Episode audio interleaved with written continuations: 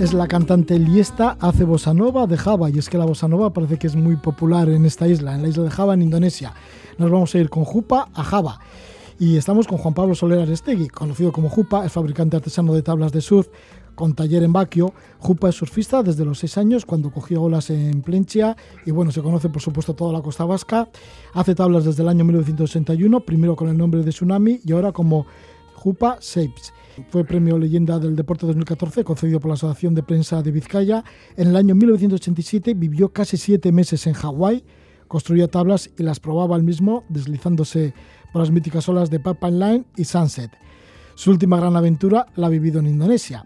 Ha permanecido durante medio año y 15 días en la isla de Java haciendo surf y pesca submarina, que vendía esta pesca pues, para sobrevivir, ya que la mayor parte del tiempo estuvo confinado sin poder salir del país.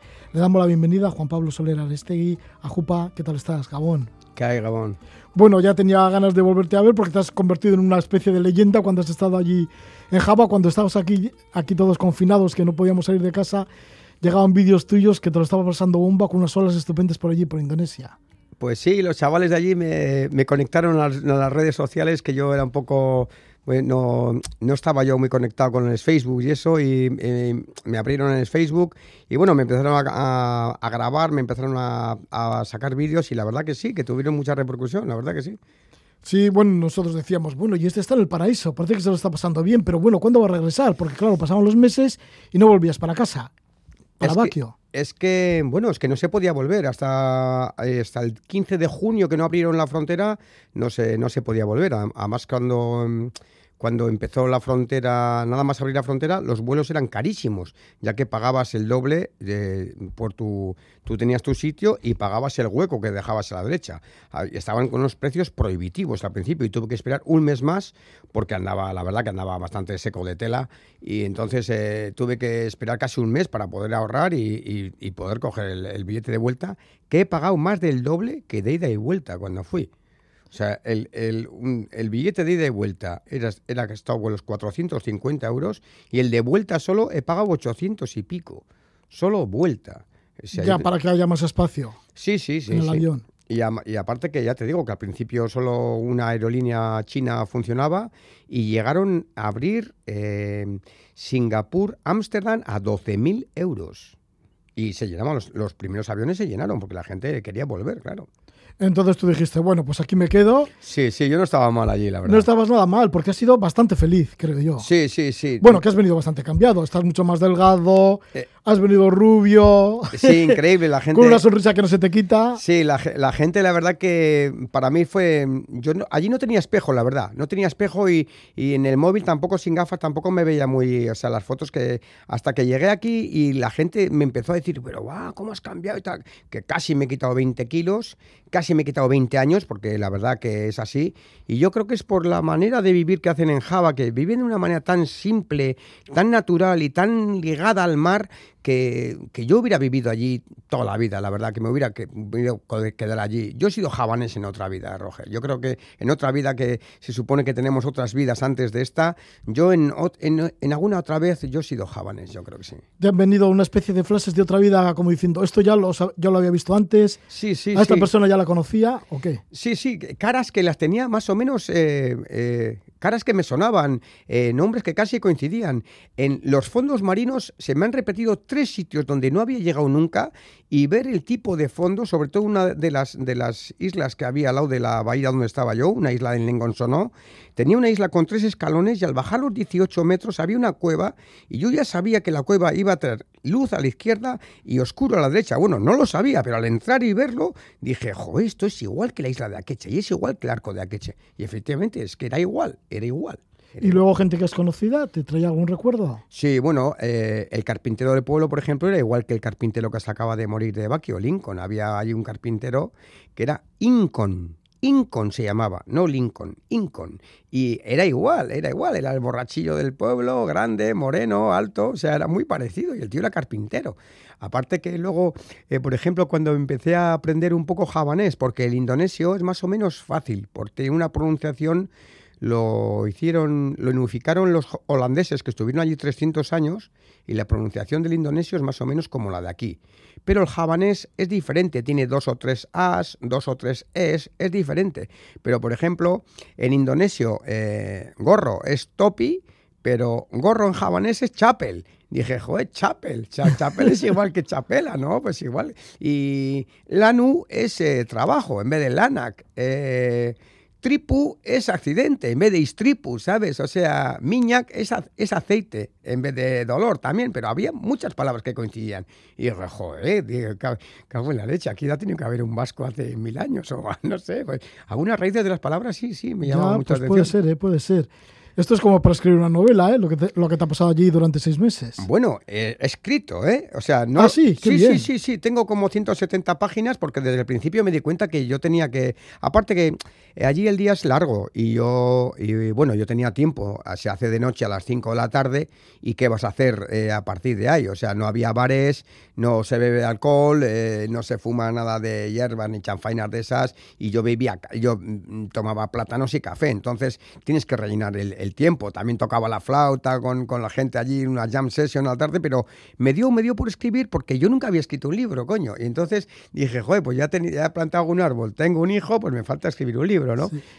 Y, y, sí, lo he escrito, sí, lo tengo que afinar y tengo un, un cuñado además que es de ediciones Sopena, Ramón Sopena, que espero que me lo edite, vamos. Bueno, pues ya tenemos ganas de, de verlo, ¿no? De leerlo. Sí, sí. El caso es que te fuiste para allí, para Indonesia. Primero fuiste a Bali que ya lo conocías del año 1986, cuando estuviste por primera vez, pero parece ser que te impactó de mala manera, porque estaba muy masificado ya el surf allí, y decidiste irte a Java, cambiar sí, de isla. Sí, la verdad que Bali me decepcionó totalmente. O sea, yo los. Porque, claro, tu idea era que pasar unos meses allí en, sí, en Indonesia haciendo surf. ¿o? Sí, sí. Mi idea era pasar dos meses y medio. Eh, teníamos la vuelta con dos meses y medio. Fui con un amigo y pasar dos meses y medio allí, como mucho tres meses. Teníamos la, la, la vuelta abierta. Y bueno, yo pensaba pues pasar un mes en Bali porque tenía también allí dos amigos, tenía algo de contacto, tenía incluso un poco de trabajo haciendo tablas. Tenía un taller de unos colegas y tal. Ya, porque allí donde vas también haces tablas. Sí, sí, sí. El caso de Hawái. Sí, sí, en Hawái, en Hawái, la verdad que había mucho trabajo. En el año 87 se hacía todo a mano. Ahora ya es diferente, hay muchas máquinas de control numérico. Pero bueno, pero el resto de, del proceso de las tablas se sigue haciendo a mano, porque no hay una máquina que te la sepa laminar de poliéster o que te la sepa lijar, ¿no? Una, un, hace falta mano. Pero bueno, eh, me decepcionó, ya te digo, eh, Vale. Vale, me decepcionó totalmente porque solo los olores del principio, porque yo cuando fui en el año 86 con Quique Panera, por cierto, saludo para Gran Quique desde aquí, eh, pues era un olor a incienso, era un olor como a plantas, era un olor como a, a, mar y tal. Y cuando llegué ahora, joder, pues olía a contaminación, olía a arquetas, olía fatal y estaba ultra, ultra poblado con gente, con miles de motos, muy, muy masificado, en eh, rusos, israelitas, como, como un ambiente completamente, eh, para sorpresa para mí, muy desagradable, la verdad. Que al, el de tres o cuatro días nos fuimos, o sea... ¿El mismo pico de la ola estaba masificado? Boah, estaba, estaba masificado. Entonces se cogían la mitad de los picos de la isla. La mitad eran buenísimos. Ahora los picos que entonces no se cogían, incluso Veragua, Changú o Kuta, Kuta siempre eran, eran picos eh, eh, populares porque eran fondos de arena y, y, se puede surfear cualquiera en esos fondos. Pero Veragua y Changú, que eran fondos que tampoco eran muy populares, yo con, con Quique, por ejemplo, en Changú estábamos con cuatro o seis personas en el agua cogiendo una derecha preciosa, pero es que había, había más de 160 tíos en esa derecha y no se podía ni surfear. Y dije, guay, hay, hay, que, hay que marcharse de aquí. Y, y, nos fuimos a Java. Y nos fuimos a Java y, y, Java, algunas partes de la Java estaban como, como Bali hace 35 años, con tres surfistas en el agua. ¿Cómo llegasteis a un lugar que está cerca de la ciudad de Malang, en Java, en donde ya te quedaste allí permanentemente? Pues eh, fui con Paquito, un colega, que conocí a su vez eh, un, un, tal Santos. Paquito que es Francisco Moro. Sí, Francisco Moro, sí señor. Sí, eh, que ya le conocí hace mucho tiempo como músico. Sí, sí, tú lo conociste como músico tu, sí. en, en, tu época de los 80 en Vitoria y tal. Sí. Y él conocía a su vez a otra gente que tenía una compañía de surf, que, que es Mabupa Lab, y este, este señor pues tenía, tiene como un sitio para pescar allí en Malang y es bastante famoso. Él fue el primer surfista profesional javanés, porque en Bali sí había surfistas profesionales en los años 80, 90, pero en Java no. Y él fue el primer javanés surfista profesional. Surfeaba bastante bien, pero bueno, estaba un poquito gordo ahora y estaba un poquito echado a perder ahora. Pero bueno, Pero el tío surfeaba bien. Y entonces, joder, nos acogió con, lo- con los brazos abiertos. Al verla, Paquito le, le llenó de alegría. Y él mismo, mm, eh, al día siguiente, nos puso a su chofer a disposición y una furgoneta y nos llevó a un pueblito que se llama Huediabú, a 65 kilómetros de Malán. Eso está en el sur de Malán, en, el sur de Java, perdón.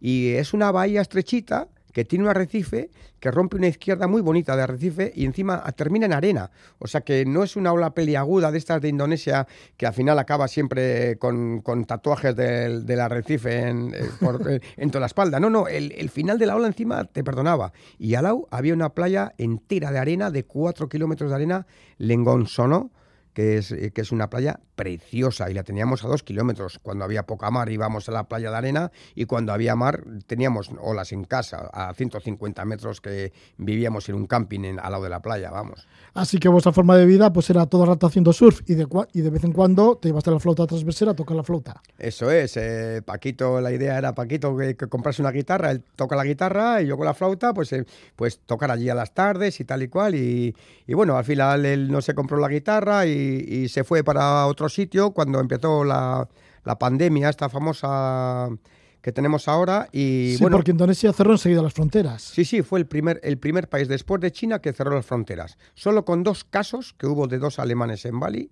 ya cogió y cerró las fronteras de, por precaución.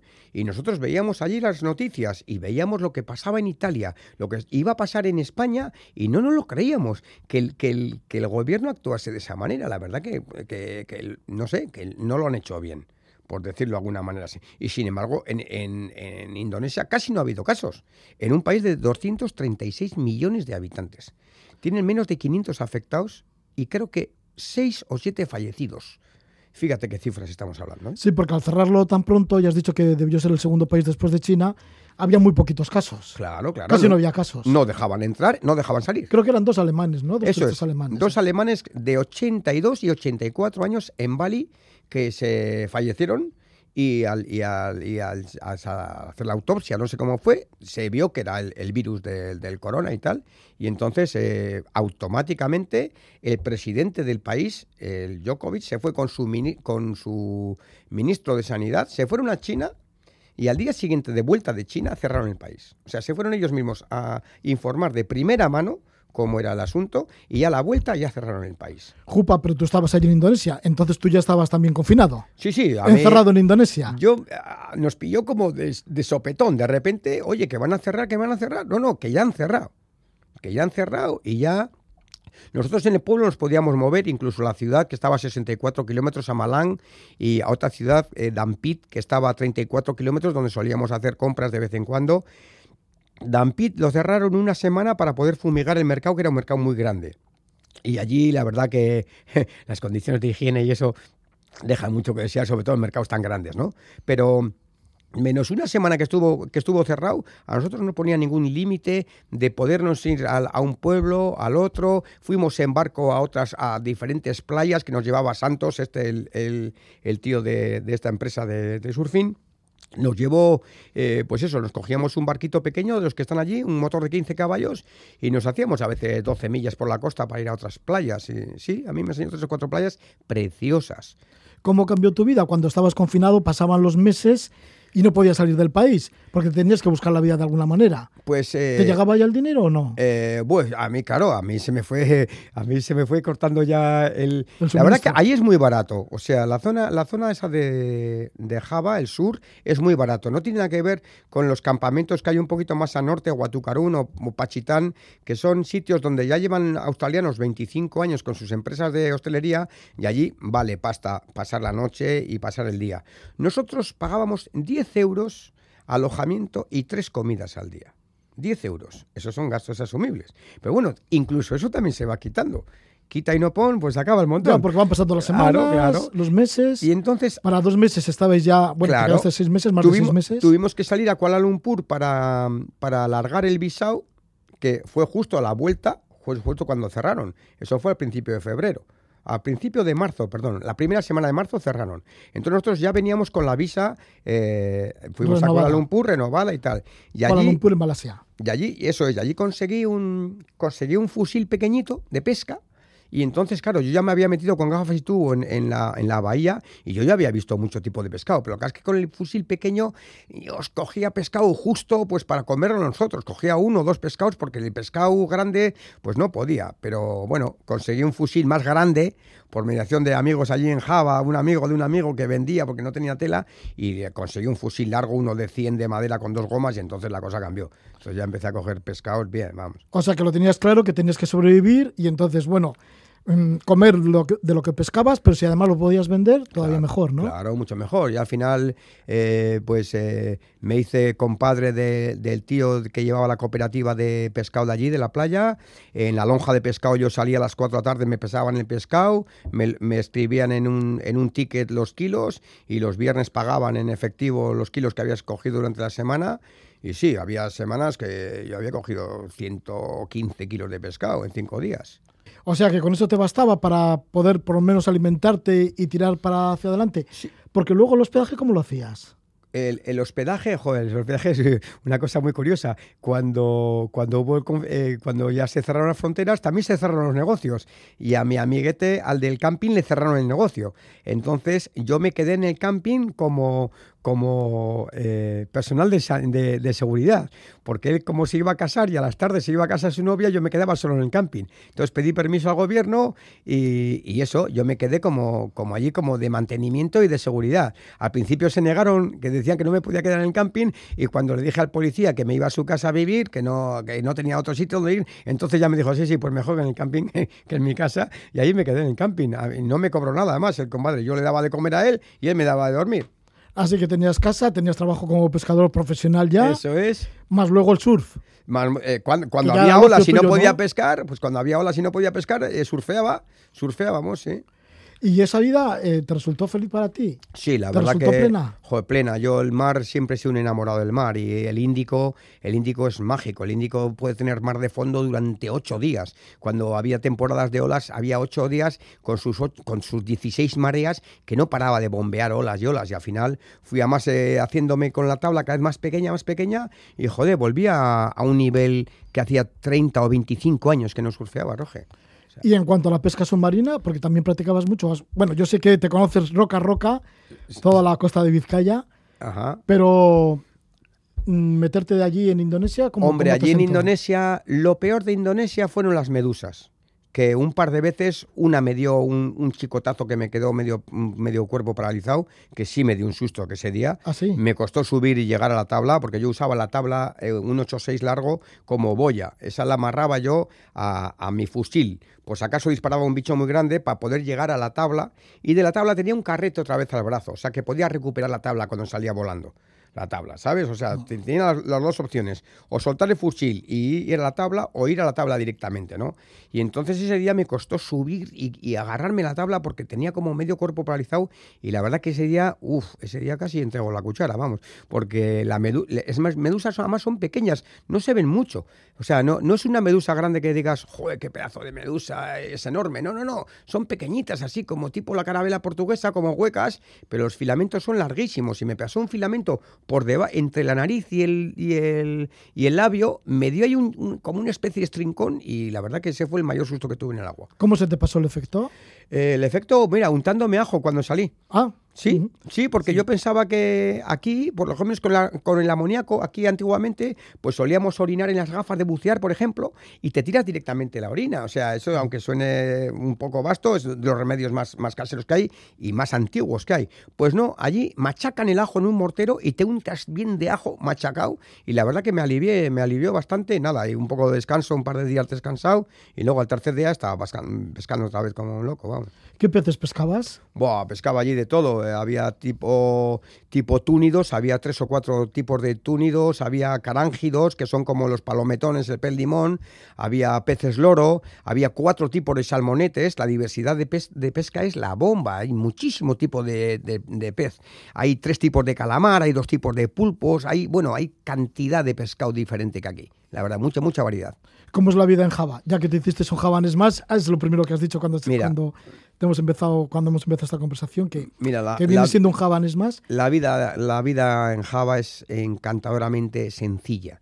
La palabra se puede decir sencilla. No, no, tienen, no tienen esas preocupaciones que tenemos los europeos del vestir, del coche, de la apariencia, de no sé qué. No, no, allí, allí cada uno se va ayudando unos con otros y van todos para adelante. Son como, son como unos comunistas sin serlo. Y viven en común. La vida de ellos es en común, no usan verjas, no cierran las puertas de su casa, no, no se separan y cristianos y musulmanes viven en una armonía alucinante, la verdad.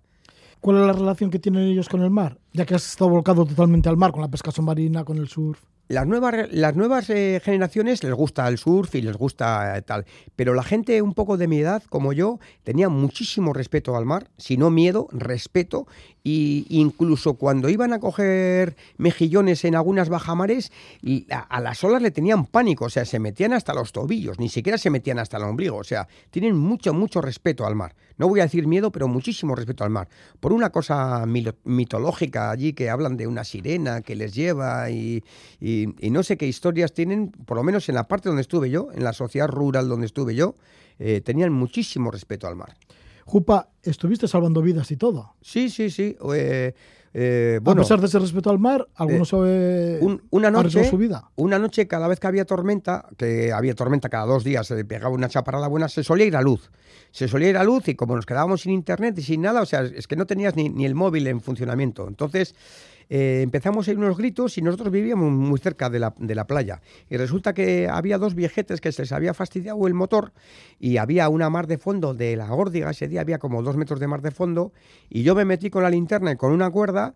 Eh, amarré, la, amarré la proa de la embarcación y entre ocho tíos que había allí y una moto sacamos la embarcación a remolque. Ellos estaban paralizados, o sea, ellos hasta no, no, no tocaron la arena ni bajaron de, ni bajaron del, barco, vamos, estaban completamente paralizados, estaban paralizados, no sabían nadar, ninguno de los dos sabía nadar, vamos.